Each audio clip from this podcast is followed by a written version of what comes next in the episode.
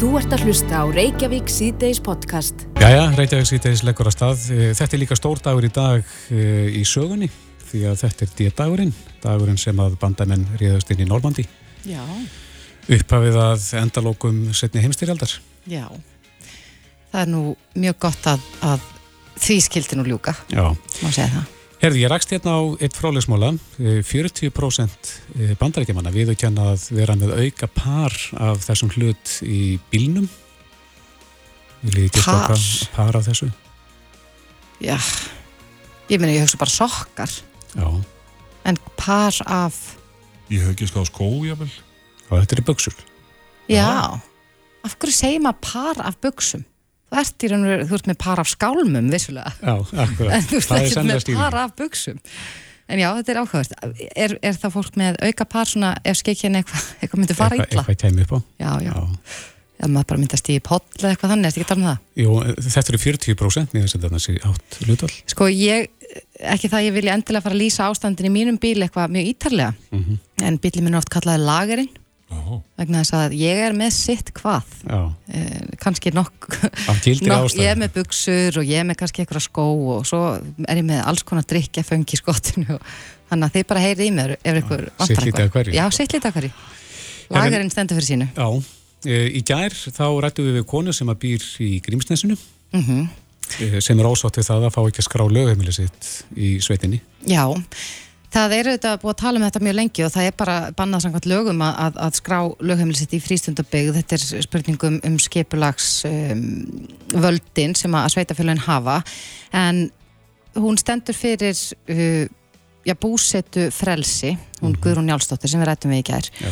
og sagði okkur frá því að, að hún er núna skráð sem ótilgreind Mhm. mm með ótilgreind þá ótilgreinda búsetu Já, í Grímsnesinu eins og útigangs fólk, Já. svona yfir höfuð. akkurat og jafnvel þó að sé fullkomlega löglegt að sko skrá sig sem ótilgreindan í viðkomandi sveitafélagi þá segir að hún mæti allskins uh, jafnbæði þekkingaleysi og tortrykni í sinn garð Mm Já, þegar Eh. það kemur að lána stopnunum og, og slíkum til aðilum. dæmis og sagðist tala fyrir daufum eirum hjá sveitastjórninni Mhm. Á línunni er Ása Valdís Árnadóttir, oddviti sveitastjórnar í Grímsnesi og Grafningi. Kom til sæl. Mér er og blessa. Já, okkur leikur forveitna á að heyra eh, hlið sveitafélagsins. Af hverju eru þið mótallin því að fólk geti skráð lögheimili sín í þessum húsum? Í rauninni, við sem kjörtum fulltrúðar förum bara eftir lögum og reglum í landinu og sangkvæmt lögum, þá er bara þá þannig að lögheimili skuli skráði íbúð eða, íbúð eða húsið sem er skráð sem íbúðhúsna í fastegna skráð þjóðská Ísland. Þannig að það er í rauninni bara sangkvæmt lögum bannað að skrá lögheimili í frístundahúsum. En eru þið þá hlindi að breyta þessum lögum á þá leið að það sé hægt að skrá lögheimili sín sitt í slíkum húsum? Sko, við höfum í rauninni verið bara að horfa í aðrar aftur. Það sem er í þessu eru skiplaðsáðallanir sveitafélagana. Við erum með aðalskipla. Þá erum við með landnótkund þar sem er það frístundahúsa byggðir og svo landbúnaland og við það íbúa byggðir. Að við höfum verið bara að skoða slíka leifis, ekki það samt að leifa lögheimilskráningu kannski í frístundabygg. Það er svona kannski það sem að við erum ekki beint að horfa. Nei, en, en sko bara til þess að, að varpa smá ljósi á aðstæður þessa fólks, það ringdi líka kona til okkar í símatíman í gær og hún Mhm. listi því að hún reyndar býr ekki í, í, í Grímsnesunu heldur í Bláskóabegð en, en hún segist borga já, útsvar til sveitarfélagsins en, en að þjónustan sé nánast engin. Hvernig er það með þá aðila sem eru ótilgrendir í þínu sveitarfélagi? Uh, Er borga þau jafn mikið útsvar og aðrir en, en eru þá að fá skerta þjónustu? Þau borga jafn mikið aðrir því það er bara ein útsvarstala í rauninni. Uh, við, sko, hvað var að þjónustuna, þá geta þau sitt og fengið það þjónustu sem þau hafa í rauninni kannski bara fengið þessu eldri borgara í sveitfélaginu hjá okkur. Við erum að bjóða upp á fría mat fyrir eldri borgara. Allir ótrúðendur í hús eru þar velkomnir. Uh, það sem þetta snýr kannski að er, við vitum náttúrulega hvað fólki er staðsett þegar það er ótrúðend í hús og þá er kannski erfitt að veita þjónustuna til þeirra. Já, Til það, að það er mynda einmitt talað um það að þetta er líka öryggisatriði að, að fólk sé staðsett á ágöðinu stað ef eitthvað tímur upp á líka. Já, en ég held að það sé bara um allt land. það er bara fullt af íbúðum í Reykjavík sem að landsbyðin á og við veitum ekkert hvort að fólki er íbúðum það er ekki, sko. Ég held að þetta snúist bara svolítið um, það var þar almannavarnir að þá hafa þeir verið að líta það og senda út SMS, þannig að þú ert ásvæðinu, það verður þannig, uh, það færði SMS-ið, þannig að það er svolítið erfitt að líta kannski á það að við þurfum að vita hverjir eru hvar á hverjum tíma. Akkurat, en, en eins og hún saði við okkur í gær, hún Guðrún Njálsdóttir, að þá bent hún á það að, að já, það eru ímis vandkvæði sem að eru bundin því að sömur séu ótilgreindir í sveitafélaginu, en, en hins vegar, já, buðu þau fram þessar upplýsingar og vilja reyna að, að, að miðla til ykkar hvar þau búa. Eh, Hafið þið ekki vilja taka við þeim upplýsingum? Og upplýsingar sem við förum eftir eru bara ofnbæra upplýsingar. Við erum með upplýsingar úr íbúskrá sem er tengt við þjóðskó Íslands og þar stendur bara heimilsfang fólk, heimilsfang fólks sum hverjir eins og kannski kom fram það hefur komið fram málum en áður það það er um 10% íbúa sveitafélag sem er með ótilgrönd heimilsfang Eh, það er frekar erfitt að ætla að fara að treysta á einhver Excel-skjöl með skráningum fólks sem maður getur bara breyst í dag eða morgun þannig að við höfum verið að hérna, einbytta okkur bara á ofnbjörnum góðnum þegar það kemur já. að hvar fólk er skráð En uh, ása snýst þetta um það að þið þyrftuð að veita meiri þjónustu ef að, ef að þetta fólk fengi að, að tilgreina sig á þessum, í þessum húsum. Sko, Þetta snýst um það að þegar kemur að skipla það á hlunum sveitafélagsins er það þá er búið að tilgrina að eins og komin að komin að hann með landnótkunarflokkin er að það búið að áætla hérna landbúnaland og það búið að áætla frístundabygg og svo búið að áætla íbúabygg sem er til dæmis í þjættbílinn hjá okkur. Eh, við vinnum eftir húsnæðis áætlunum og annað. Eh, þetta snýst um það að sko, já þetta snýst að, að mestu leiti um skiplasmálinn og það uh, hvernig sveitafélagi þetta byggist upp. Það eru til að mynda frístundúsa byggðir í sveitafélaginu okkar sem hefðu aldrei byggst upp í dag ef við værum að fara eftir skiplasmálum dagsins í dag. Og ef að það er litið á það, að það þetta á ekki valda, það er ekki hægt að skrá sig allstar og eiga heima allstar.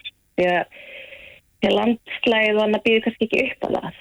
En hvað var það þjónustuna, þetta snýst ekki endilega um það, heldur þetta snýst um skiplaðið aftur. Því að Þetta snýst leið- ekki um snjómókstur og, og uh, rösl og slíkt eða sorpirðu. Og þegar þú áttur í lögheimili í einhverju sveitafélagi það áttu rétt á ákveðinu þjónustu og vissulega er það þannig. En þetta snýst mér líka bara um það þegar við horfum á sveitafélagi okkar sem er 3300 sömarhús með 550 íbúum. Eh, ef að við farum að leifa fasta búsötu hinga og þangað um allt sveitafélag þá jú, vissulega snýra það þjónustunni þau eru náttúrulega að greiða fyrir það en hvert er að veita það. Eh, 3300 sömarhús, þetta er svipað svipaði fjöldi fastegna í okkar sveitarnið nánast og er í Árborg þar sem búa 10.000 mann. En aftur 550 íbúr og allir innviðir sveitafélagsins miðast að þessum 550 íbúr. Ef við, hérna, þegar að við eins og kom fram í máli guðrunar í gær, þá hefur sveitastjórnir, hafa sveitastjórnir sveitafélagsins gert aðskiplastöðningar þannig að þetta sé hérna hægt að skrá lögheimili sitt í húsunum. Þá þarf bara að eftir gera aðskipla spurningu, breyta skráningu húsnæðis. Húsnæðin öll, þó að húsnæði í dag sé heilsás húsnæði, þá er mismunandi eh, ákvæði um frístuhús og um íbúrhúsnæði. Það er til dæmis lofthæð og annað. Eh, hvað var þar innvegna, þá eru mismunandi stóra lagnir lagðar af frístunduhúsum eða íbúrhúsum. Þannig að það er rosalega margt sem að þarf að hafa í huga þegar að breyta á skipuleg til að fólk geti flutt eða átt lögheimil einhver staðar. Annars staðar heldur því á landbúnaðalandi og eða í íbúðabíð. En, en eh, já, við höfum nú heyrt í, í, í fleirum sem að, að hafa já, flutt án þess að, að kannski mega skrá lögheimilisittar, flutt í frístundabegð og, og já, miða við hvernig umræðan er í dag um, um húsnæðismarkaðin hér á höfuborgarsvæðinu, verðin er að hækka og það er eh, gott sem uppselt. Það má nú alveg búast við því að það verði fleiri dæmi. Hvernig sjáu þið fyrir ykkur að næstu ármunu þróast ef að fólk fyrir að flytja í stórum stíl í sömurhúsin sín? Sko, það er rosalega erfitt að segja. það, ég er alveg nokkuð viss um það og þetta er bara búið þekkist í mörg mörg ár og það er fólk sem dvelur langt dvelum í frístundúsum sem hefur kannski ekki það verið að, að hérna, skrá lögheimilega og óska eftir að skrá lögheimilega. Það sem við fyrir líka að huga af er við sem sveitisöndar sem kjörnum fulltrúðar uh, við erum með fastöknu ásægjandur og við erum í íbúa hérna, í sveitifélaginu og, og getum að hagsmunum allra. Það er þá þannig að þetta fólk kaupir sér frístundahús í frístundahúsa bygg og samt lögum má ekki eiga heima þarna. Og það eru önnur sjónum með sem við þurfum líka hlusta á er það að það er annað fólk sem kaupir sér frístundahús og vil vera bara þarna í frið ekki að þessi heils á spúsetta í kringum þau. Þannig að við, við erum að hlusta á öll sjónum með mm -hmm. Þið, þið vantarlega fagnið útsvarinu? Þetta eru tekjur fyrir sveitafélagið Sko, það er nú bara þannig að uh, við erum að reyna að skoða hvernig eigi að veita þjónustuna af því að þetta útsvar kemur uh, þetta er val fólks að flytja sér svona og eins og hún kom inn á því að sko gerir þetta uh, takna útsvarinu. Ég veit ekki, það bara þarf að halda upp í sveitafélagunum og það kostar ákveð sundlegin og opinn fyrir allar það er bæði fastegna eigandur og íbúa það við rekum henni umhverfis og tæknis við uppsveita. Við erum þriðistæsti aðeili sem greiðum í brunavarnar álisvillu því við erum með svo margar fastegnir mm -hmm. það eru alveg ótrúlega mörg gjöld og móti. Akkurat. þannig að þetta er ekki þannig að þetta fari bara eitthvað í valkunni á sveitafélaginu, bara alls ekki. Þetta fer ég að reyka sveitafélag En finnir þið fyrir auknum áhuga fólks að, að fá að skráu lögumílisett í sveitin ykkar? Algjörlega það er frábært í grimsnús og græmisrætt þannig að ég skilða og við skiljum þeirra sjónami en á móti eru við að vinna eftir lögum og reglum. Akkurat. Þess má nú geta að, að innveðar á þeirra skipaði fyrir einhverju síðan starfsóp sem að átti að greina nákvæmlega þetta sko hvar einstaklingar sem eru skráðið með ótilgreint í hús eru búsettir. Og við eigum nú bara búast við því að, að sá starfsópur skili uh, sinni skýrslu í þessu mánuði eins og lagt var til, þannig að það verður áhugavert að sjá hvað kemur út úr því. Þá starfstótt um ótilgönda í hús. Akkurat. Uh, ég á vona á viðkomandi starfstópur síðast til í oktober samkvæmt sveiturstjórun okkar fyrtur í þessum starfstópi. Já, það gæti verið, en upphaflega var allavega lagt upp með að er því að þessari vinnu myndi ljúka núna í júlimáni, en, en okay. svo hefur það kannski eitthvað dreist. Já, en þetta er og auðvitað þarf að skoða þetta því þetta er að gerast í auknum mæli fleiri, í fleiri sveitafélagum. Já, akkurat. Þannig að hérna, og maður skilur alveg fólk vilji fara út í sveit, sko. Já, gott að vera í Grímsnessunum. Eh, Ása Valdís Árnádóttir, oddviti sveitarstjórna Grímsnes og Grafnings. Eh, kæra þakki fyrir spjallið. Takk sem að leiðis. Þú ert að hlusta á Reykjavík C-Days podcast. Reykjavík C-Days heldur áfram. Ríkistjórnir síndi á spilin í gær þegar kemur að viðbröðum við verðbólku. Já, og uh, það er nú búið að ræða um, um þessar aðgerðir. Til dæmis var þetta mikið fjara fókir í síðustu viku þegar að, já, kynnt var að, að aðstu ráðamenn þjóðarinnar myndu fá já, 6 eða rúmlega 6% launahækkun þann mm -hmm. 1. júli en ríkistjórn kynnti það í gæra að laun þingmann á ráð þeirra hækki um 2,5% og það er ymsar aðrar aðgerðir sem að þarna eru tíundar mm -hmm. en eitt af því sem eru vakið aðtikli í dag er, er til dæmis að, að þingmaða samfélkingarna, hann sakar ríkistjórnuna um, um blekkingar varðandi þessar aðhaldsaðgerðir sem að, að kynntar voru í gær um, og segir að, að, að vonast hafi verið þess að ríkistjórnum væri loksins vöknuð af þyrtni rósar svefni en þeirra rínt hafi verið í tilögutna blasi við að ekkert viðbótar aðhalds í þeim að finna og, og þarna er talað líka um fjármála áölluna sem stendur uh, óbreytt. Já, þetta séu bara gamlar tilögur í rauninni en uh, á línunni er Bjarni Benediktsson, fjármála á þeirra sem að statur í Fraklandi á fundi OECD. Sæl? Já, komið þið sæl. Já, hvað segir við þessari gaggrína þarna séu ekkert nýtt að, að finna? Það er náttúrulega bara efnislega ramt vegna þess að við erum að bóða til dæmis eh, stór áttak, eh, viðbótar áttak í uppbyggingu á félagslegum leiðu íbúðum í almenna íbúðakerfinu svo kallaða. Það eru 1000 íbúður á næstu tveimur árum sem við ætlum að forgámsaða fyrir og það gerum við ekki á þess að uh, koma með áherslubreitingar sem að lýsa sér þá í því að við nýtum til hliðar öðrum sjálfveitingaverkefnum og nýtum svona það svigrum sem að öðru leiti er til í áalluninni. Nú við erum sömulegis að flýta gildi fjármálaregnana sem að er efnislega breyting og það mun setja aukinn þrýsting á um, okkur í fjármálun á komandi árum að, að flýta upptöku þeirra. Nú svo erum við að segja frá því að það er stór bætt afkoma ríkisjós og það eh, kannski hefur einhvern veginn ekki skila sér nægilega vel í umræðinni almennt að sko frá því að við afgreitum fjárlögin fyrir þetta ár og þá er uh, útlitt fyrir 90 miljardar betri afkoma á frumjöfniði á þessu ári. Uh, við vorum áður búin að greina frá því að, að afkoma stendi að vera 40 miljardar betri en núna er hún að verða 90 miljardar betri sem er, er auðvitað stór tíðindi vegna þess að það hefur verið mikið rætt um það að ríkisvarmálinn uh, væru ekki að nálgast uh, jöfnuð nægilega rætt en það er að gerast miklu ræður heldur en við áður gerðum á fyrir alveg svo ég hafði reyndar trúa allan tíman. Mm -hmm. En Nú. Og svo, svo, svo erum við að, að, að kynna fleiri aðgerði sem skipta máli eins og hækkun bóta almantrygginga og það er allt saman aðgerði sem komu ofan og það sem við vorum að gera um áramótin. Þannig að það er bara allramt að við höfum ekki verið að veita skjól og ef við horfum til þessum að stjórnarnastan hefur helst verið að tala um, þá er það helst, það er helst og fyrst og fremst útgjaldamál sem að menn það verið að tala um, sem er allt annað heldur en aðhald.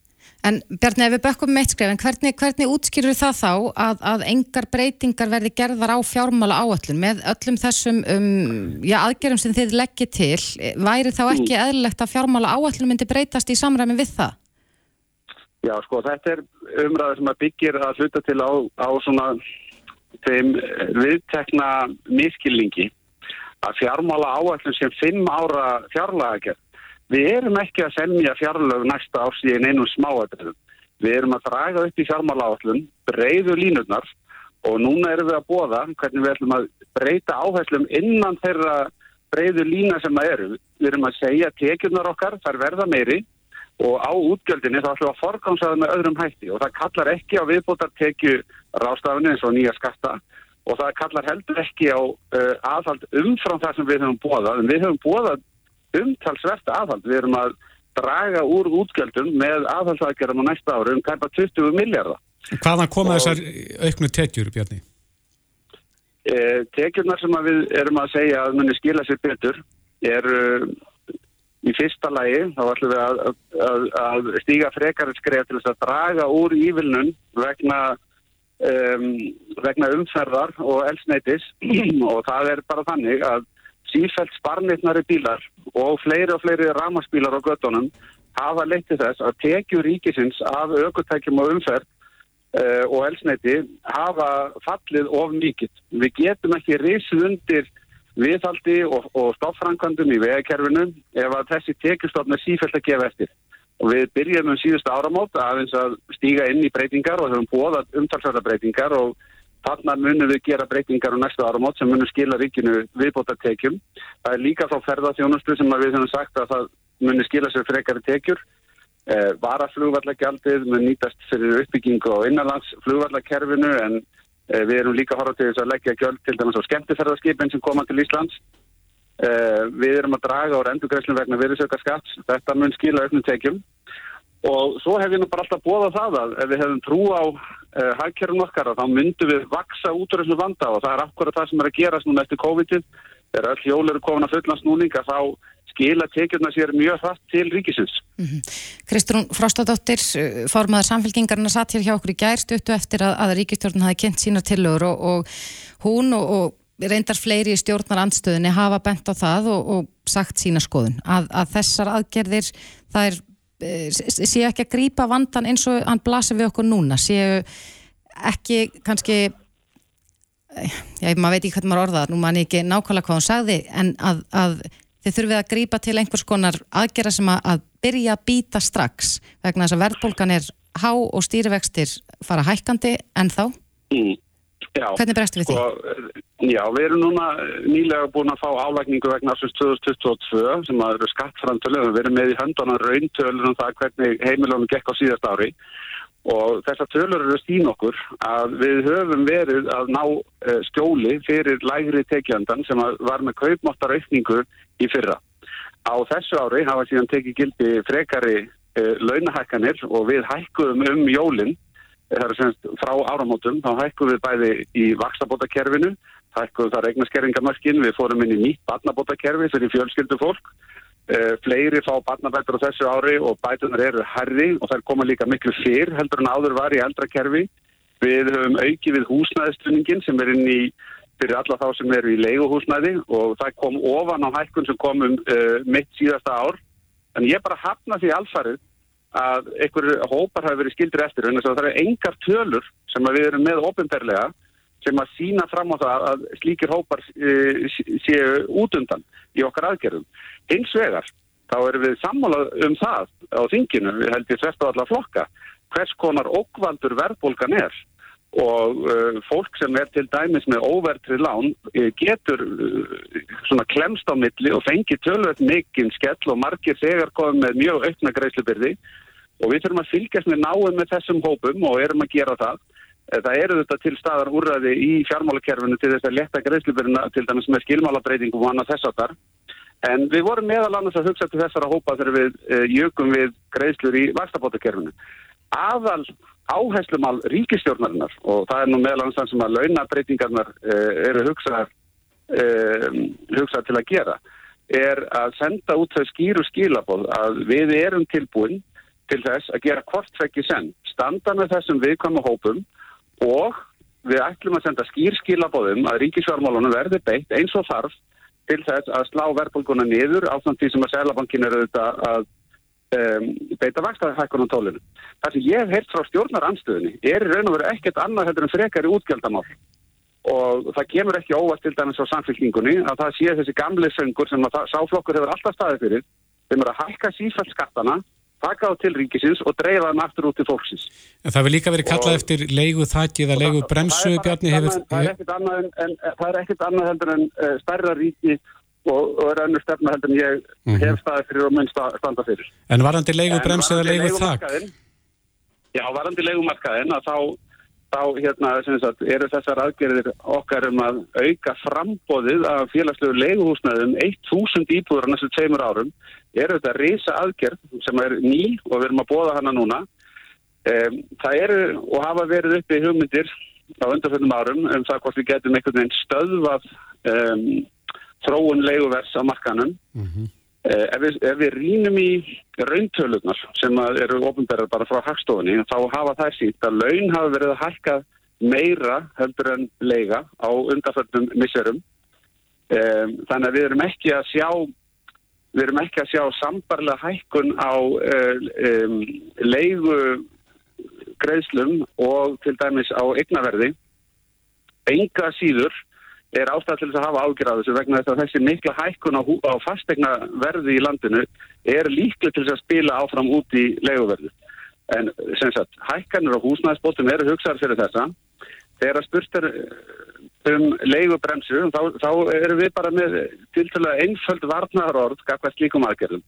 Eftir því sem að frekari hvaður eru lagðar á þá sem að eiga húsnaði og hafa áhuga á því að leia það út eftir því sem við setjum meiri hvaður á þá aðila til dæmis með því að banna þeim að breyta leiguverði þá munum færði vilja fara inn á leigumarkaðin þannig að slíkar aðgerðir geta, ef það er ekki rétt smíðaðar orðið til þess að draga úr frambóði á legumarkaði og það er sjálfstækt vandamál í dag.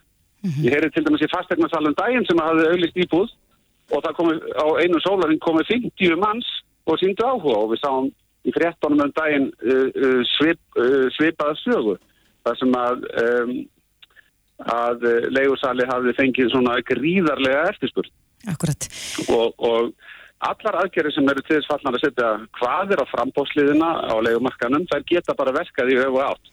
Og það er, mm. það er aðal áhugjefni sem að við höfum hérna, fært fram í umræðinu um, um, um slík úrræði til þess að stjórna legumarkanum. Auðvitað þurfum við fyrst og fremst bara að halda frá að byggja.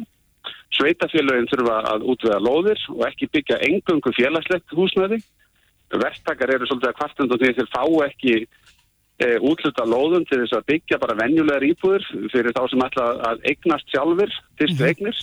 Það er, það er of lítið byggt af ódýruhúsnæði, það er of mikið verið að byggja sínist mér inn á þéttingareitum sem eru í sömum tilvægum dýrustu lóðunar á Íslandi og ef við byggjum bara á dýrustu lóðunum á Íslandi þá fáum við ekki ódýrar uh, fastegnir eða ódýrar íbúðir. Nei, en Bjarni, svo hefur, hefur bæði, hafa bæði samtök yðnaðarins og húsnæðis og mannverkjastofnun bent á það að það sé hreinlega að, að draga úr uppbyggingunni, á húsnæðismarkaði Já. og við værum först í ákunum vítaring. Eru þessar aðgerið sem þið leggja til, ein, til þess fallnar að, að koma okkur út úr þeim vítaring? Sko, ég held að það sem að menn eru að tala um þarna eru áhuggjur af því að, að þessi öra hækkun vaksta muni hafa svona uh, þrengt að um, byggingar uh, vestökum og þeir eru í óvissum það náttúrulega hvernig um, næstu misseri muni þróast með tillit til verðbólku og vaksta og get ekki eða treysta sér ekki til að taka ákvarðanir um mörg hundru miljóna eða miljardar fjárfestingar í slíku umhverfi. Uh, það er slæmt og uh, þess vegna skiptir svo miklu máli að við séum markvis og skilvirk í því að ná verðbólgunni niður og þá koma vextirni með í kjálfarið. Það er hins vegar aldrei merkilegt að upplifa þessu hratt við sveiflumst öfgan á miklu í þessu vegna þetta fyrir örfa og misserum og ég segi bara í fyrra og hitti fyrra þá var afkoman í byggingageranum gríðarlega góð. Við höfum sjaldan séð jafn mikið bil á milli byggingakostnaðar og markasverðs eigna. Þannig að þeir sem hafa verið að byggja til þess að selja til fólks, þeir hafa verið að hafa e, mjög góða afkoma af því.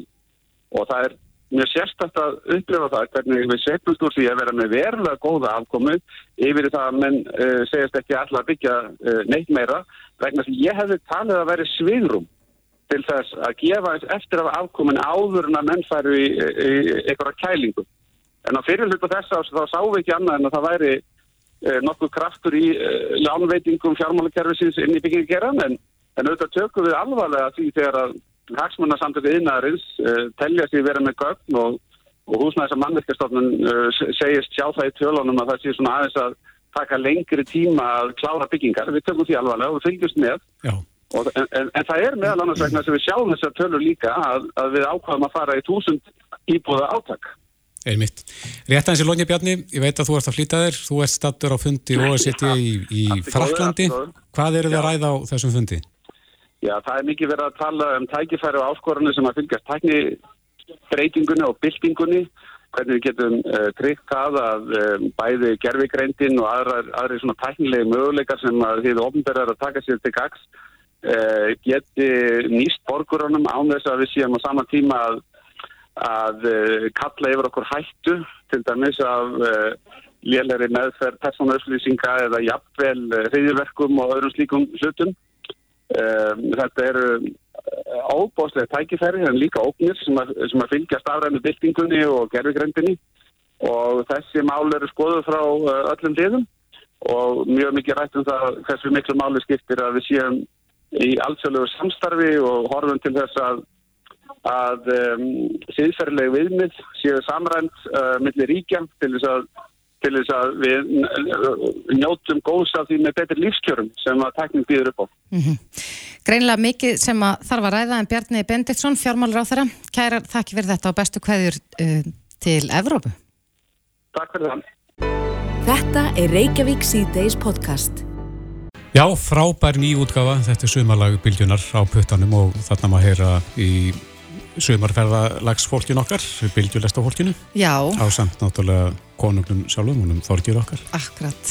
Mér fannst gaman að hlusta nú aðeins á, á þau uh, lestarstjórana í Grindavík um helgina og, og ég held að þau hafa eitthvað verið að skora á Svala að fara upp á svið og syngja. Já, En Svali tók það sko ekki í mál, hann sagði það er alveg ótrúlegt að uh, hann hafi sko farið inn í stúdíu og sungið í mikrofón og hann Þau- ætlaði nú ekki að fara að gera það í, upp á sviði. Mér finnst þau öll frábær í þessu geggjuð. Ég sko var að keira á Mýrdalsandi um helgina og var á leiðinni uh, austur og ég setti þetta lag á fónin og maður minn sitt vil hérna mér og, og svo þegar Þorgir byrjar að syngja ég fekk svo mikla gæsahúð og hann mig hann bara, ertu með gæsahúð? og hvort ég var Já, já. bara hvert einasta hár á handleikjum á mér stóð alveg bara lóðbeint upp í loftið að þetta er frábært. En ertu með fón í bílnum? Er ég með, Fón? Þú sagðist að það var sett lagi á fónin? já. Já, ég er með grammofón Nei, nei, ég er nú bara með svona bluetooth fón. En af allt öðru, uh, kostningaaldur er í dag 18 ár eins og við flest tekjum og uh, á alþingi hefur verið lagt fram frumvarp til þess að breyta því Við ætlum einmitt að spyrja um þetta næsta sólringin, hvort að fólk sé hlindi að lækka aldurinn er í 16. Mm -hmm. Og setjum þá uh, könnuninn á vísi.is innan skams.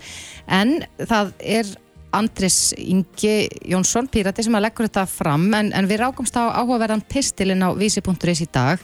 Þar skrifar Geir Finnsson sem er fórseti landsambands ungmilaférlaga mm -hmm. um þetta frumvarp og er svona að, að já, færa rauk fyrir því að það ætti að færa kostningaldurinn niður í 16 ár og hann er komið til okkar, velkomin. Kjæra þakkir. Og hver er nú helstu rökin fyrir því að færa aldurinn niður? Helstu rökin eru náttúrulega þau að, að, að eh, náttúrulega ungt fólk og 16-17 ungmenni þau náttúrulega uh, þau hafa geta fengið að kjósa annar staðar í öðru löndum og, mm. og reynslan hefur sínt okkur það að, að eh, slíkt fyrirkomlaði það er vel undirbúið og, og þau fá uh, góða fræðslu með því þá geta þau, já þá náttúrulega bara eikvæða kostninga þáttöku þeirra á ungs fólks almennt. Mm -hmm. Þú bendir þarna í greininni þinni á könnun sem gerð var fyrir skemstu í þjóðarpúlsi Gallup þar sem að ríflega 63% landsmanna segist vera andið því að lækka kostningaldurinn úr 18 í 16 ár. En, en þú svona bendir líka það að það er ekkit Eh, tíundaðu þetta hvaða er sem gerir það verkum að við treystum 16 og 17 ára einstaklingum síður heldur en 18 ára til þess að kjósa. Hvað heldur af valdið við að, að 63% eru mótfallin þessu? Bara góða spurning og verðt að spyrja því sérstaklega í, hérna, í útvarpi til dæmis en, en ég held að svona, ég, ég síni alveg skilning að, að þú veist, fólki finnst að pínu skríti bara byttu nú við að hérna nú er þú veist, eh, kostningaþáttakann hefur ekki verið uh, rosalega góð hjá hérna yngsta aldursopnum hinga til, af hverju ættu að lækka okkur ennfrekar og myndu ekki bara skapa fleiri vandræði og svo hefur maður líka heyrta sko anstæðingar uh, lækunar á, á alþingi til dæmis í gegnum árin hafa svona nefnt til dæmis að það er hérna, skortur á, á, á svo kallum pólitískum þroska hjá, hjá þessu ungu fólki að þau séu ekki að þau séu bara ekki stakk búin til þess að, að, hérna, að takast á þetta. En, en eins og við bendum á, eins og ég bend á þessari grein og við í löf bend á í okkur umsögn um þetta frumvarp að þá Uh, bara þert á móti hefur ungt fólk og sérstaklega þessum aldursópi það hefur alla burði til þess að taka þessar ákvarðanir. Það, hérna, hefur, það eru fleiri lönd það eru fleiri, fleiri lönd þann út í heimi sem að hafa látið reyna á þetta og, þau, og, og bara rannsóknir vera að gera það sem sína fram og þau hafa í rauninni nákvæmlega sumu burði, nákvæmlega sama þroska og getu til þess að taka svona upplýstar ákvarðanir rétt eins og allir aðrir aldursópar mm -hmm. og já Eitt af því sem að við veltum nú fyrir okkur hér í dag þú vorum að ræða þetta okkur á milli er, er, sko, er hvort það sé hægt á því að það sé auðveldar einhvern veginn að, að komast uh, til þeirra með einhver pólitísk skilabóð, fá þau til þess að kjósa eitt frekar en annað að það, þau séu svona genkiftara fyrir jafnvel einhverjum gillibóðum. Nú hefur maður heyrst í gegnum tíðina ymsa sögur af mættu hinga og taktu þátt í prófkjöru og þú fær frían bjór og mætingin hefur ótt verið ansi góð. Mitt en svo er allir gangur að því hvort að það hérna, skilir sér í, í fleiri atkvæðum til suma aðela sko og ég menna það er bara partur af, af stjórnmólum, þetta náttúrulega bara gildur um alla aldursópa, það er reynd að ná til allra með yngmis konar bóðum, hvað sem er með ókipisbjóri eða vöflum eða hvað heitir sko, mm -hmm. en, en uh, við vitum það náttúrulega, við höfum reynd það uh, og við höfum sérsagt uh, eh, þessu tengdu, hvernig náum við til unga fólksins endilega, það er hérna við í LUF í samstarfi við aldarfélag okkar SÍF sem er samband Ískar, Íslenskar farmaskólinema, við höfum sér staði fyrir ég kýs verkefnu síslinn ár. Það sem, að, sem bara gengur beint út á það að Eh, sagt, ebla uh, vitund ungs fólks fyrir, já, fyrir, fyrir öllu, öllu því sem tengist pólitík og kostningum og oft í kringum kostningar þá eru haldna svo kallega skuggakostningar í framhaldsskólunum þannig að nef, uh, bara nefndur í framhaldsskólum sér fyrir hvort það hafa kostninga sagt, hvort þau meiga kjósa eða ekki þau geta þá tekið þátt og, og hérna, flokkanir koma í skólana og þau hafa líka greiðan aðgangað upplýsingum um flokkan og stjórnmál almennt og, og kostningavita og fleira til og Kjósaðu öðruvísi heldur en restin?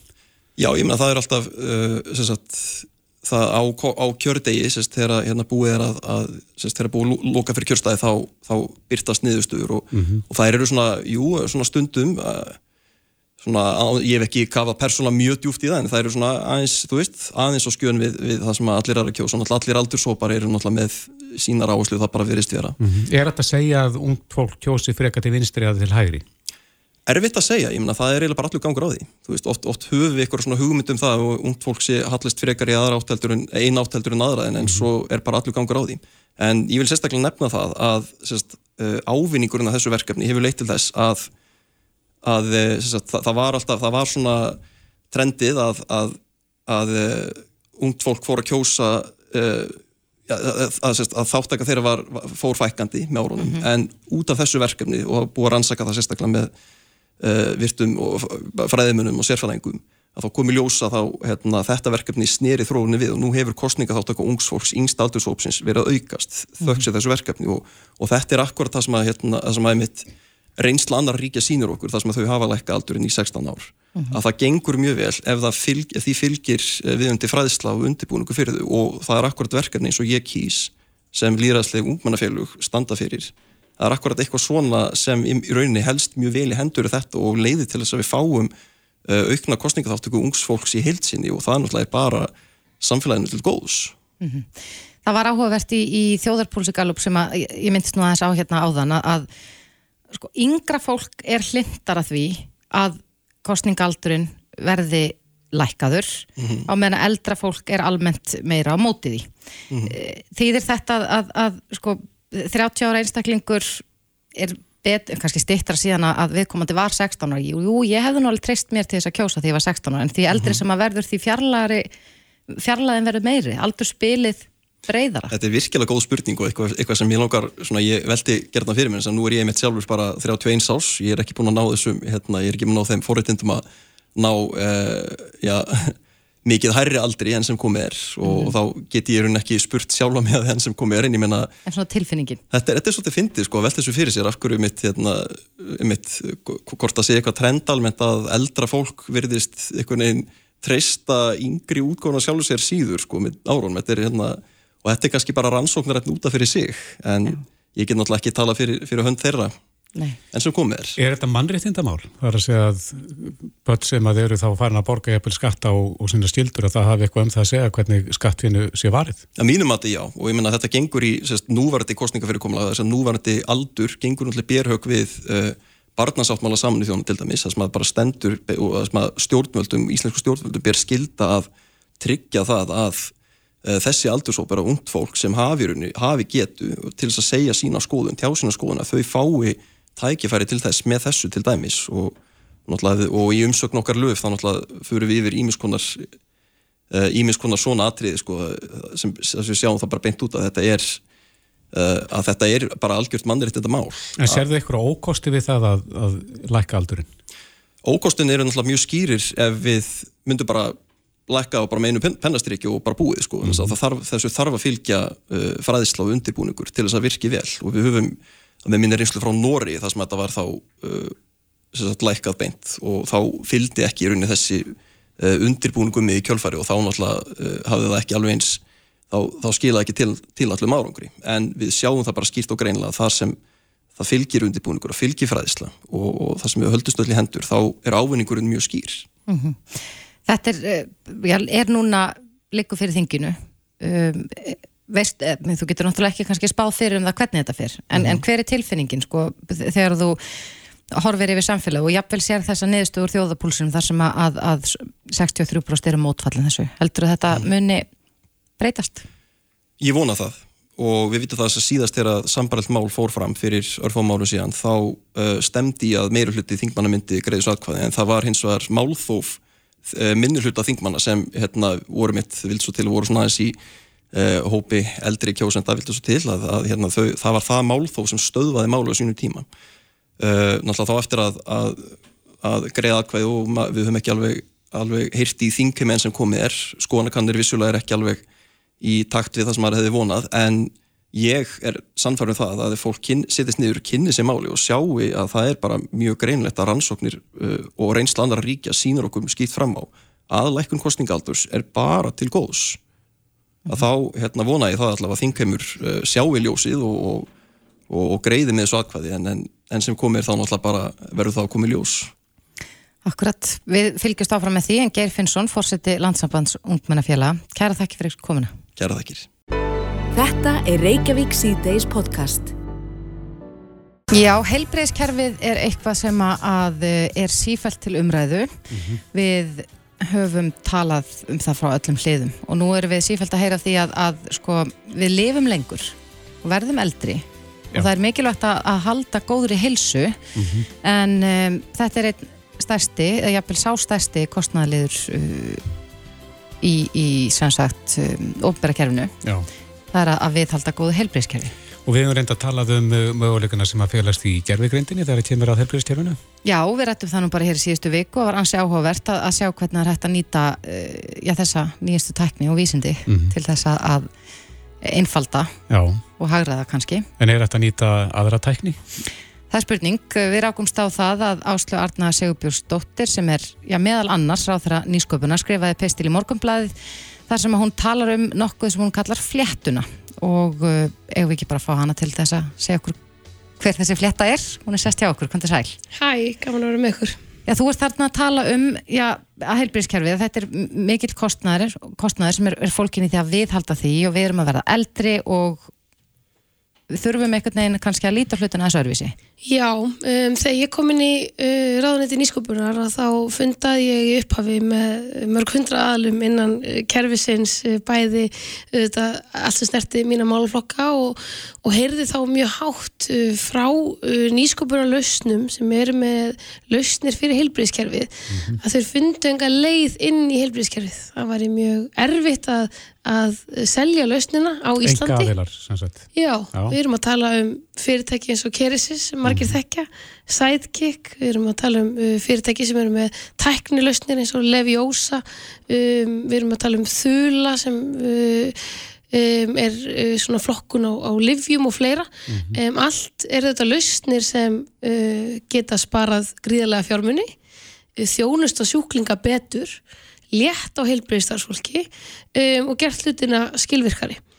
Um, en öll þessi fyrirtæki og fleiri til að þau hafa ekki fundið leiðina inn í Íslands helbriðskerfi og þau bentu á að sögum lönd væru með einhvers konar brú þannig að við varum að hjálpa nýsköpuninni inn í, í kerfin okkar. Af því að það eru auðvitað ótækt að við styðjum við nýsköpun sem við gerum orðið mjög vel á Íslandi við nýjar hugmyndir þess vegna er mikið af þessum fyrirtækjum til í dag af því að þau náðu að spretta upp úr umhverju nýsköpunar á Íslandi en við erum síðan ekki sjálfa nýta lausnindar fyrir okkar eigin kerfi.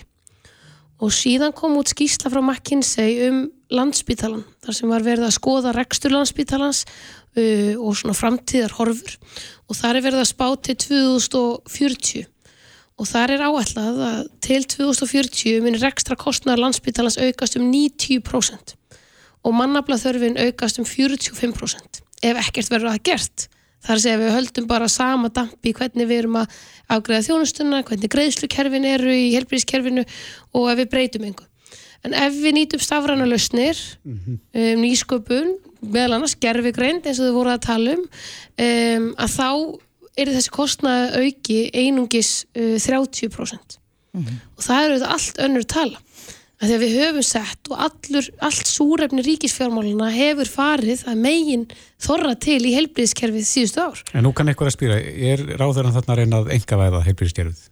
Er, þetta- er þetta liður í því? Nei. Kann, kann eitthvað að spýra? Já, já, það, hérna, en hvað er engavæðing? e, þá er fólk að segja að það vil ekki að enga aðilar sjá um heilbriðstjónustu og borgi fyrir hana. E, það sem þarf að gerast í heilbriðskerfinu ef við ætlum að reka það betur, það er við að nýta lausnir enga framtagsins og nýta betur og ít undir enga rekstur vissulega. En hér erum við að láta heilbriðstofnanir innleiða nýsköpun, það er að segja nýta lausnirnar. Tökum bara af því að það er svo gott dæmi með kerisisplastróna. Það þekkja þá margir á Íslandi. Þeir eru búin að slá í gegn víða. Þeir eru að skapa gríðarlegar útflutistekjur á Íslandi, fjölda starfa, hugmynd sem kemur upp úr uh, rannsóknastarfsemi tegnd háskólunum og Ísafyrði sem er verið að nýta fiskiróð til þess að búa til betri sára plástra. En hvað gerum við hér á Íslandi? Við kaupum bara svona hefðbundna plastplástra eða aðra plástra sem er ódýrari. Gott og vel, hvað afleiðingar hefur það? Það hafa afleiðingar og ég talaði bara við einn mann síðast í gær að þú ert lengur að jafna þig, þú ert lengur inn á spítala og jafnvel gr- gróa sárin það illa að þú endar í aðgerð. Þessi kostnaður eru aldrei tiltekin þegar þú ert að vesla inn vöruna í fyrsta lagi. Af það sem gerist við kyrsisplástrana og af hverju bandaríkin eru að nota þessa vöru gríðarlega mikið. Til dæmis, við erum að sjá það að fólk er ekki aflimað vegna síkinga, sára uh, sigursíki og fleira út af kerisisróðunum og plástrónum um, en það sem við erum ekki að taka með þetta inn í myndina þegar við veslum þjónustuna.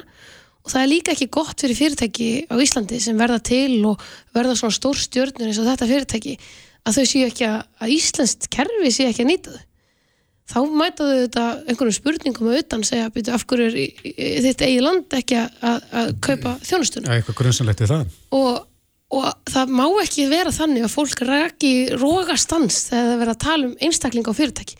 Hvað eru fyrirtæki og engaðalega að gera allan daginn? Þau eru að finna lausnir við vandamálum sem eru upp í samfélaginu okkar.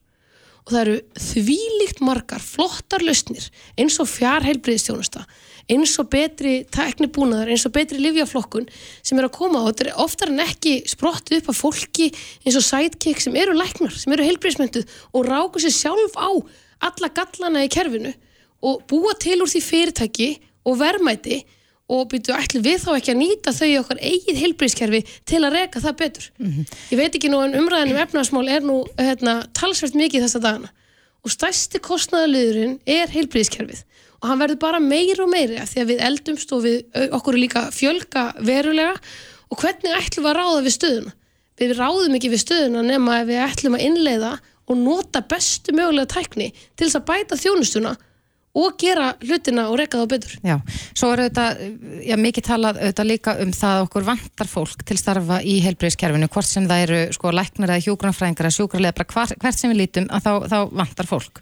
Og eitt af því sem hefur svona komið upp og, og meiri sæðum daginn þegar við rættum við, við ungan lækni sem kom hingað og hafði rannsakað gerfigreind og hvernig gerfigreindin gæti nýst á heilsugesslunni að, að tæknilausnir hafa verið innleitar og hann nefndi sem dæmi til dæmis heilsuveru sem að, að er gríðarlega mikið bót fyrir okkur sem notum þjónustuna og, og, og erum e, þe þeim megin við borðið en þetta hefur aukið vinnuna að öðru leiti fyrir læknana sjálfa. Og þannig að, að við raun og veru kannski flækjum líf læknana sem eru og fáir nú þegar. Uh, og hann myndist á það við þyrstum að, að, gera þetta mjög ígrundað að vera búin að uh, þjálfa fólk nægilega vel og, og ekki bara henda af stað einhverjum nýjum lausnum. Uh, heldur að það verði gert með þessu? Ef við fáum sí- enn fleiri nýjar lausnir að það verði gert nægilega vel svo að það skapa ekki enn frekari vandræði? Einhvers stað þurfum við að byrja. Og mér finnst nú varhugavert að uh, af því að margar af þessum lausnum sem til eru að þau einfallega spara spórin, þau fækka spórum heilbriðstarfsfólks og sjáum til dæmis eins og lifjaflokkun, sjáum miklu betri skráningu um fjár þjónustu þar sem þú getur hitt sjúklingin í tvær mínútur yfir FaceTime símtali þar sem hún sýnir honum að þú ert með sömu síkingun og síðast í staðan fyrir að þú þurfur að koma inn og heila, heila heilan tíma með lækninum og hann getur skrifað upp á fyrir þig. Þetta er þjónusta sem er til í löndunum í kringum okkur af því að löndin í kringum okkur er að nýta sér enga framtökið En þetta millist ekki sem þú ert að kynna. þannig, þarna eru við með dæmi um lausn sem er greinlega ekki góð að báða enda e, með þessa sögu sem þú segir. Og það sé að verða e, svona e, flækja og sé flækjufótur fyrir heilbriðistarsmenn en flesta lausnina sem ég hef hitt og eru úr uh, eru þessar lausnir sem fólk er einmitt að búa til verðmætt úr og eru orðin stöndu fyrirtæki á Íslandi þau eru einmitt þess eðlis að einfalda og létta á heilbriðstarfsfólki og það er bara sannað að það eru sumar af þessum lausnum sem spara tíma hjúgrunarfræðinga til dæmis um 15-20% á dag. Og það er mikil mannabla þörf. Við erum í aðgerðum til að fjölga heilbriðismentuðum bæði úr háskólakerfinu uh, sem við leitum til lækna eða hjúgrunarfræðinga við erum búin að stíga stórskref í því og við viljum erum að fara í næstu viku að undirrita samstarfsamningum færni og hermisettur sem hjálpar að þjálfa upp og við, svo við getum fjölgað til dæmis í þessum uh, greinum uh, sem verður samstarf Háskóla Íslands og Háskóla svo Akureyri við landsbytala meðal hans um, og það er mikið að vinna. En þrátt fyrir hvað við myndum fjölga mikið að þá snýst þetta líka um það hvernig ætlum við að ráða við reksturinn, hvernig ætlum við að veita fólki betri þjónust og að upplifun fólk sem skiptir máli.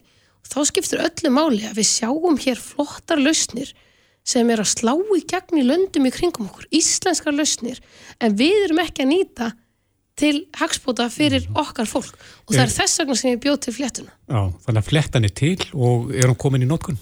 Já, við erum búin að hafa, hún er, uh, hefur einu sinni verið auglýst áður uh, og nú er að verða auglýst annarsinn og hún er miklu starri núna en það komið svo ótrúlega margar umsóknir af tillögum þar sem heilbriðstofnanir eru að uh, vinna saman með einhverju nýsköpunarfyrirtæki að innleiðingu og þá er þetta brúin yfir að við borgum þá fyrir innleðinguna af því að oft er mikið ála á heilbreyðstofnunum og, og þau segja ekki hafa tíma eða getu til að innleiða lausnina. Að við erum þá að búa til þá brú og aðstóða þá að því að þau munu spara pening og tíma og þau sjá eh, kostina við það. Og nú erum við með fléttuna í gangi annarsinn um, og erum að auglýsa eftir umsóknum í hana. Það er strax komin, komnar margar góðar umsóknir og ég veit að þetta mun hafa góð áhrif gagvar því að nýta nýjustu tækni inn í heilbríðskerfi okkar sem við þurfum, þar sem bara við þurfum að gera betur. Já, og ráðuneytum tala saman, þú, þú ert að funda með Viljum. Já, já, og við erum í góðu samstarfi og eins og segi ég að næstu viku að fara undir þetta þannig samning um nýtt færni og hermisettur sem lagar þannig flöskuhál sem alltaf hefur verið bent á af hverju er að geta fjölga læknanemum og hjúgrunafræðinemum að það er af því að það hefur ekki verið hægt að taka mótið inn í heilbríðiskerfinu, það er að segja þessari þjálfun sem fer fram á gólfinu en með þessum færni og hermisetturum eins og löndinni kringum okkur er að gera að þá eru þau að uh, þjálfa miklu fleiri og miklu betur og líka í endurmentun á einmitt, nýjustu tækni og gerfigreindum og, og annað. Mm -hmm. Þetta er spennandi. Áslöf Arnar Sigurbjörnsdóttir á þeirra nýsköpunar. Kæra þakki fyrir komuna. Takk fyrir mig. Jæja, Apple var með kynningu í gær og uh, maður hlustar þegar að Apple kynir eitthvað nýja vörur. Mm -hmm. Það er nú svolítið síðan að ný græja var kynnt til sögunar. Já, við erum einhvern veginn alltaf að sjá bara svona einhverjar örlittlar uppfærslur af því sem við þekkjum nú þegar. Mm -hmm. En nú var Apple að kynna til sögunar uh, Vision Pro glerugun. Og mér skilst að þetta eru eitthvað svona síndaverleika glerugu og uh, ég las eitthvað frétt um það í dag að þetta getur tekið við af snjálfsímanum. Já, bortölfunir líka. Já, hvernig? Eða hvað? Alli Stefán Ingvarsson hjá Tæknivarpinu komin til okkar, velkomin. Takk fyrir. Er það rétt hjá okkur? Tekur þetta við að símanum og uh, bortölfunni? Ég er ekki vissum að það sé stutt í það, þetta tekir við að símanum uh, og, og það er maður kannski horfað sem stuðnistæki við það sem Apple hefur upp að bjóða, sem eru fartölur, bortölur, skjáir, heyrnantólar, heyrnantólar líka mm -hmm. Og símin. Uh, það er ekki símkort í þessu, þessu gæju, það verður ekki farsímasamband uh, og batterið sem fylgir með, RAS, raflaðan, eins og ég kalla hana, uh, hún nær bara teimum tím þannig að ég myndi segja að þetta sé heimilis eða skrifstofu græja fyrst og fremst Til hvers? Ég sé fyrir mig sko ef að ég hef nú bara eiginlega held ég aldrei sett að maður sínda vel eitthvað gliru þannig að, að, að það þarf að tala við mig eins og ég sé algjör um, núpi í þessu en því að mér finnst þess að þetta sé bara eitthvað sem að spila tölvuleiki meðal annars. Sko, þetta er mjög góð spurning og ég held að hérna, Apple sjálft sé búið að spyrja sig þessar spurningu í þessi 8 til 10 ár sem ég tala er að, að hérna, þessi glerugu hafi verið í þróun.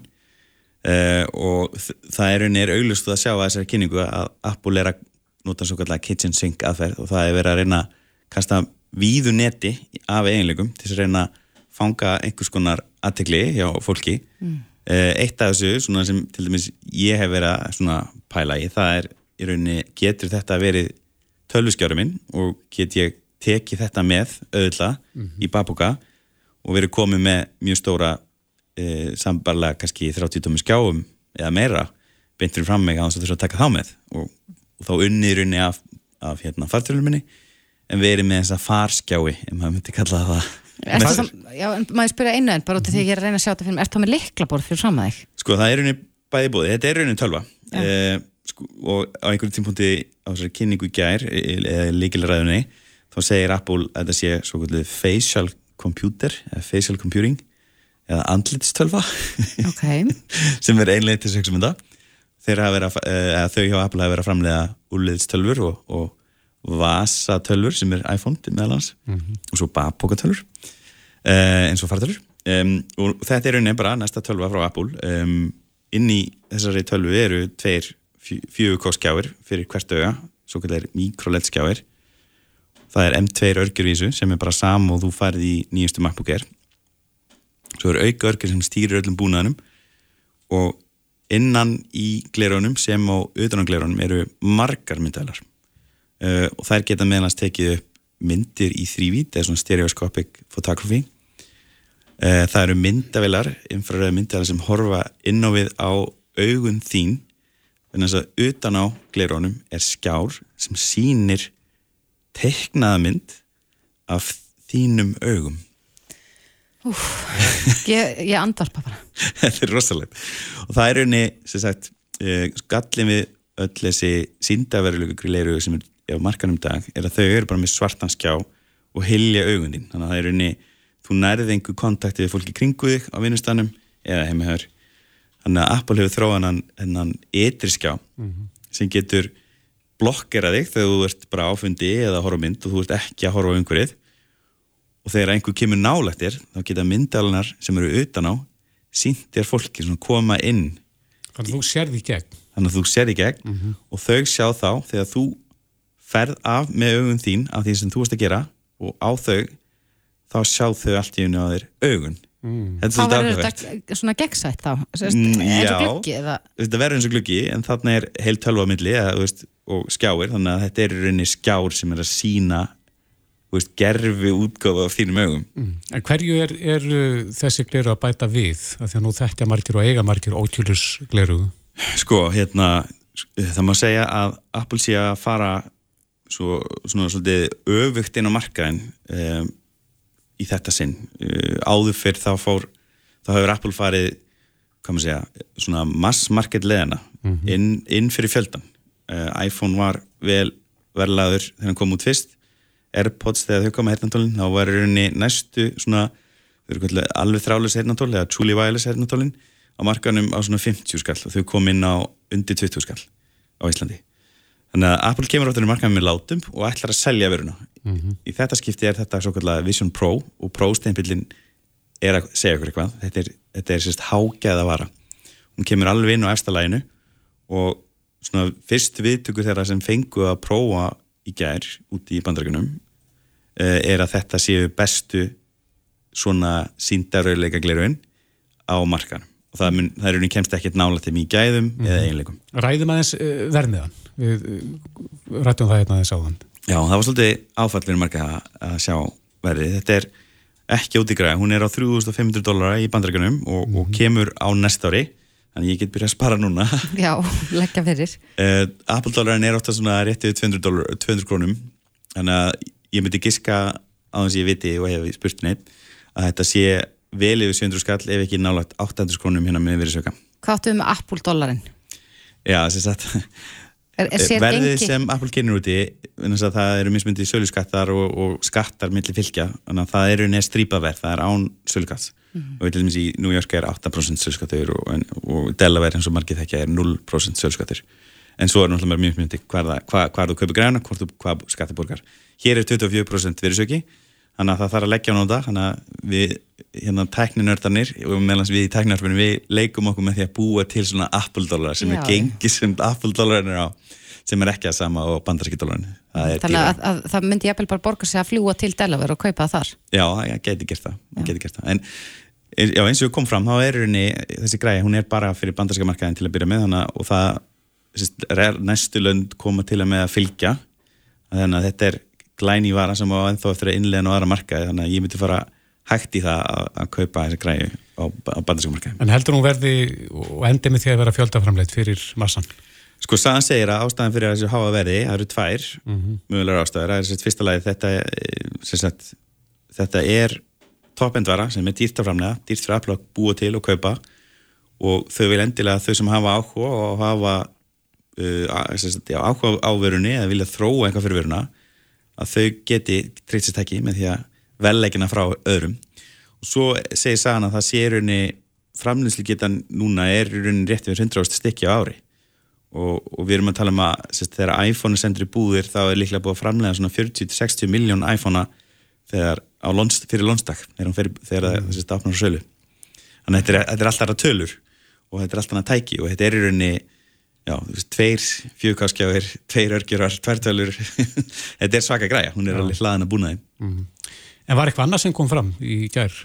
Sko vanalega er þessi líkiraða á WWDC uh, hún er nú aðalega til að tala um hvað er að frétta stýrgjörunum og en þetta er rauninni myndi ég segja að veri uh, segja, stærsta tækjakynning uh, á þessi á WWDC lengi því að Apple byrjaði með látum og kynnti nýja stærri 15 tómu MacBook Air sem mörg að beðið eftir sem er bara nákvæmlega eins og hljómar, þetta er bara aðeins stærri MacBook Air sem er vanlega 13 tómu en 13,3 og þetta er hvað 15,3 tómu, vel og hérna e, sem er eiginlega bara allt, alltaf saman upp og minna, minna úka nema bara með stærskjá og aðeins stærri raflu til að kera hann.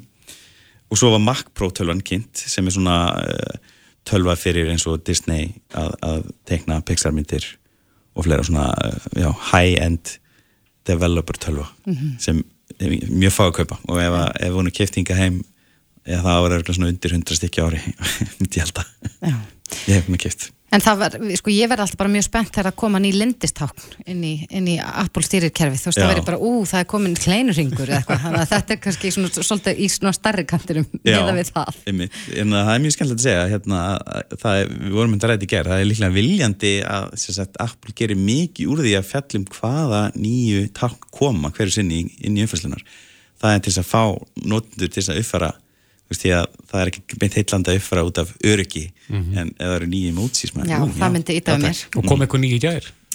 Ég, ég er reyndar ekki búin að tjekka því. En það, en það, það, það, það kemur reglulega yfir árið því að þetta er alþjóðleitt stælar á sem er dullet að uppfara og svo í rauninni er, já, er kynnt, voru kynntar útgáður öllum stýrigjörunum þetta er núorðin alveg talsett mörg stýrigjari og iPhone fær meðal annars svona beðskjá þannig að ef þú ert að hlaðan eða við náttbæri þá, þá getur þú fengið einhvers konar viðmót þar sem er ekki eins og vanlega, vanlega hefðbundið viðmót.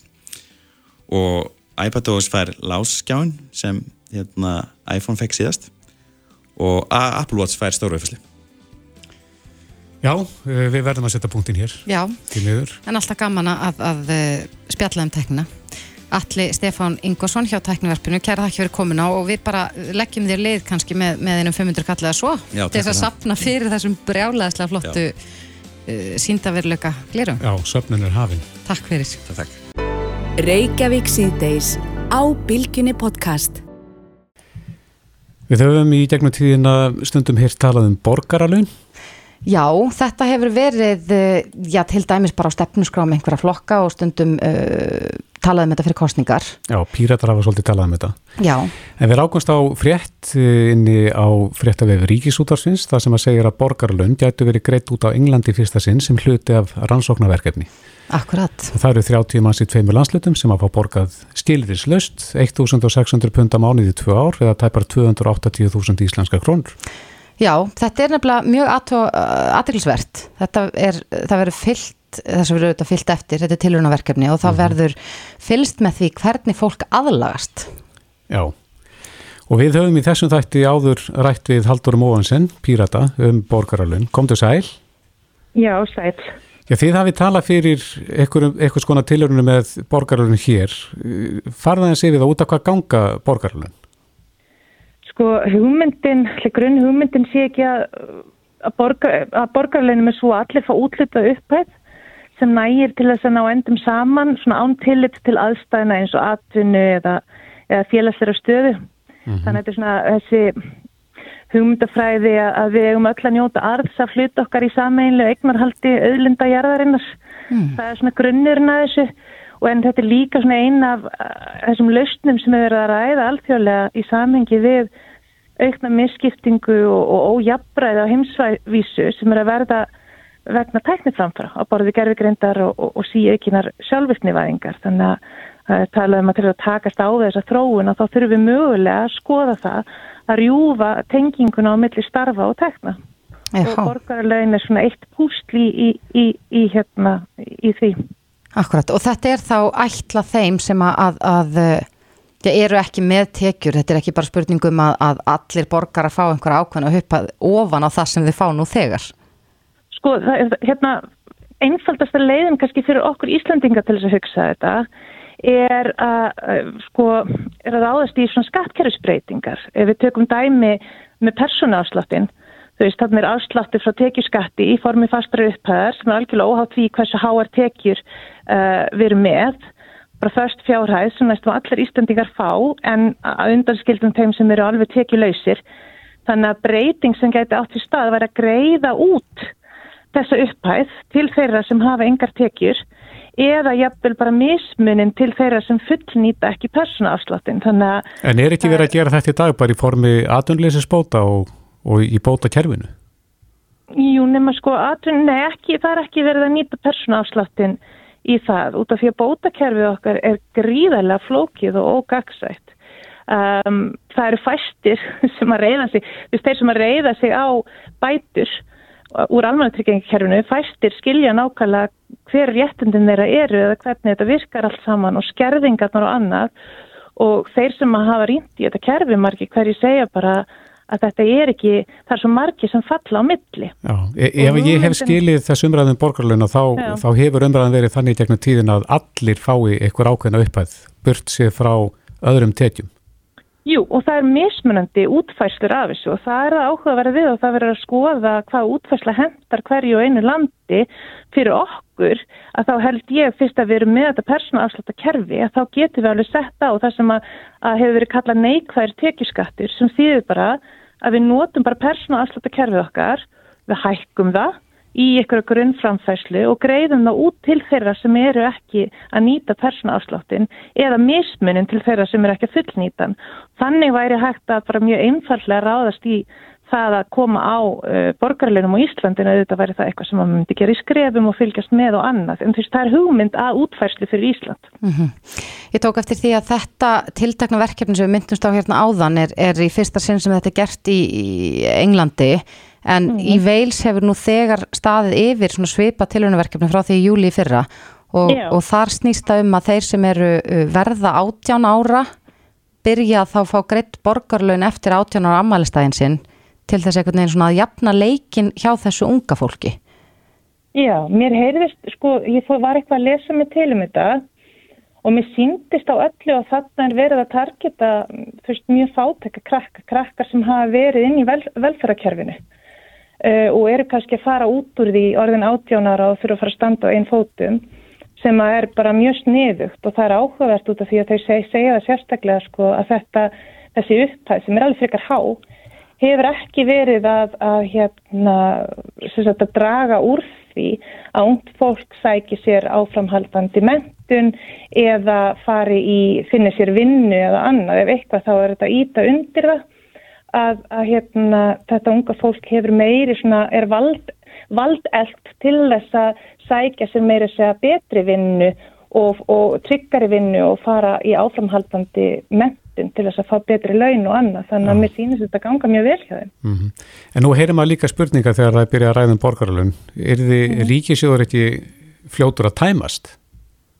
Já, allavega eins og hann er keiriður í dag ég held að þetta sko, umræða um borgarlun um, þetta krefst náttúrulega breytri hugmyndafræði.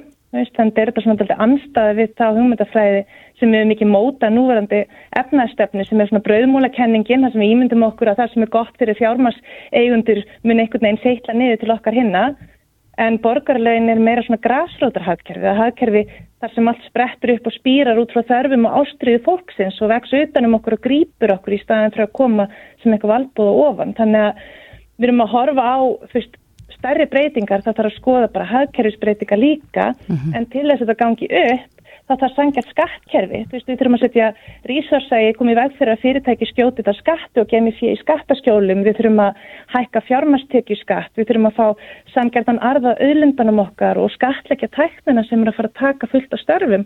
Uh, þú veist við sjáum fram á það að það mun fullt af störfum hverfa hérna á næstu árum. Þannig að það eru ymsa svona breytingar sem að gera en þetta er bara líka hugmyndafræðilega breyting sem þarf að eiga sér stað bara með breytum tímum og tækniframfyrum og annað. Mm -hmm. En þetta er aðteglisvert uh, verkefni sem er að fara í gang og verður til tveggja ára og, og það segir hér að það, þetta gangi uh, líka út á það að sko skoða hvaða áhrif þetta hefur bæða á andlega og líkamlega helsu þeirra sem er að, að þykja borgarlaun og hvort Já. er ákveð að vinna eða ekki. Er, er spennandi fyrir þig nú sem hefur velt þessu fyrir þig lengi að, að fylgjast með svona verkefnum og, og, og sjá niðurstöðunar þegar að, að verkefninu líkur?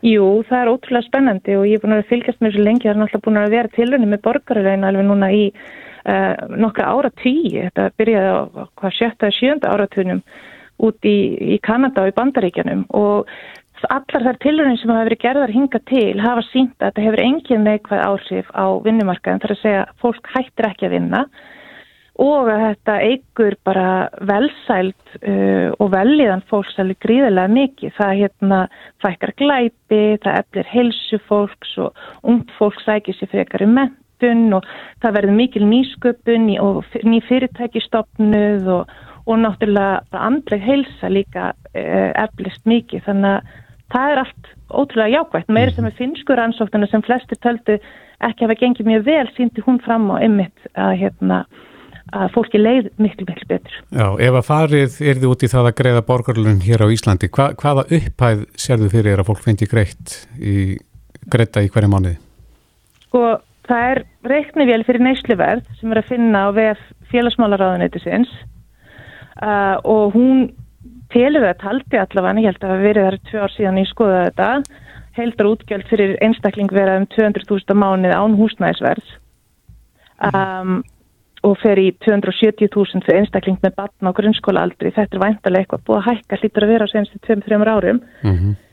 Sko, það, auðvitað er þetta eitthvað atriði sem þarf bara að skoða gömgæfilega og þarf að taka sem part af mun stærri heldavendu sko en ekki bara veist, að borgarlegin verði möguleiki heldur sko líka bara hvernig við ætlum að breyta hagkerfin okkar. Ég meina nú tala fórsettur áþræðum velsaldar hagkerfi og annað og, og áherslunar innan hagkerfisins og hvernig við ætlum að koma til móts við uh, allar þær tæknibreitingar sem er eigast í staði framtíðin. Þannig að ég, það var erfitt að negla niður eitthvað upphæð en mér finnst klárlega að þetta ætti að vera eitthvað sem við erum að skoða núna fyrir framtíðina.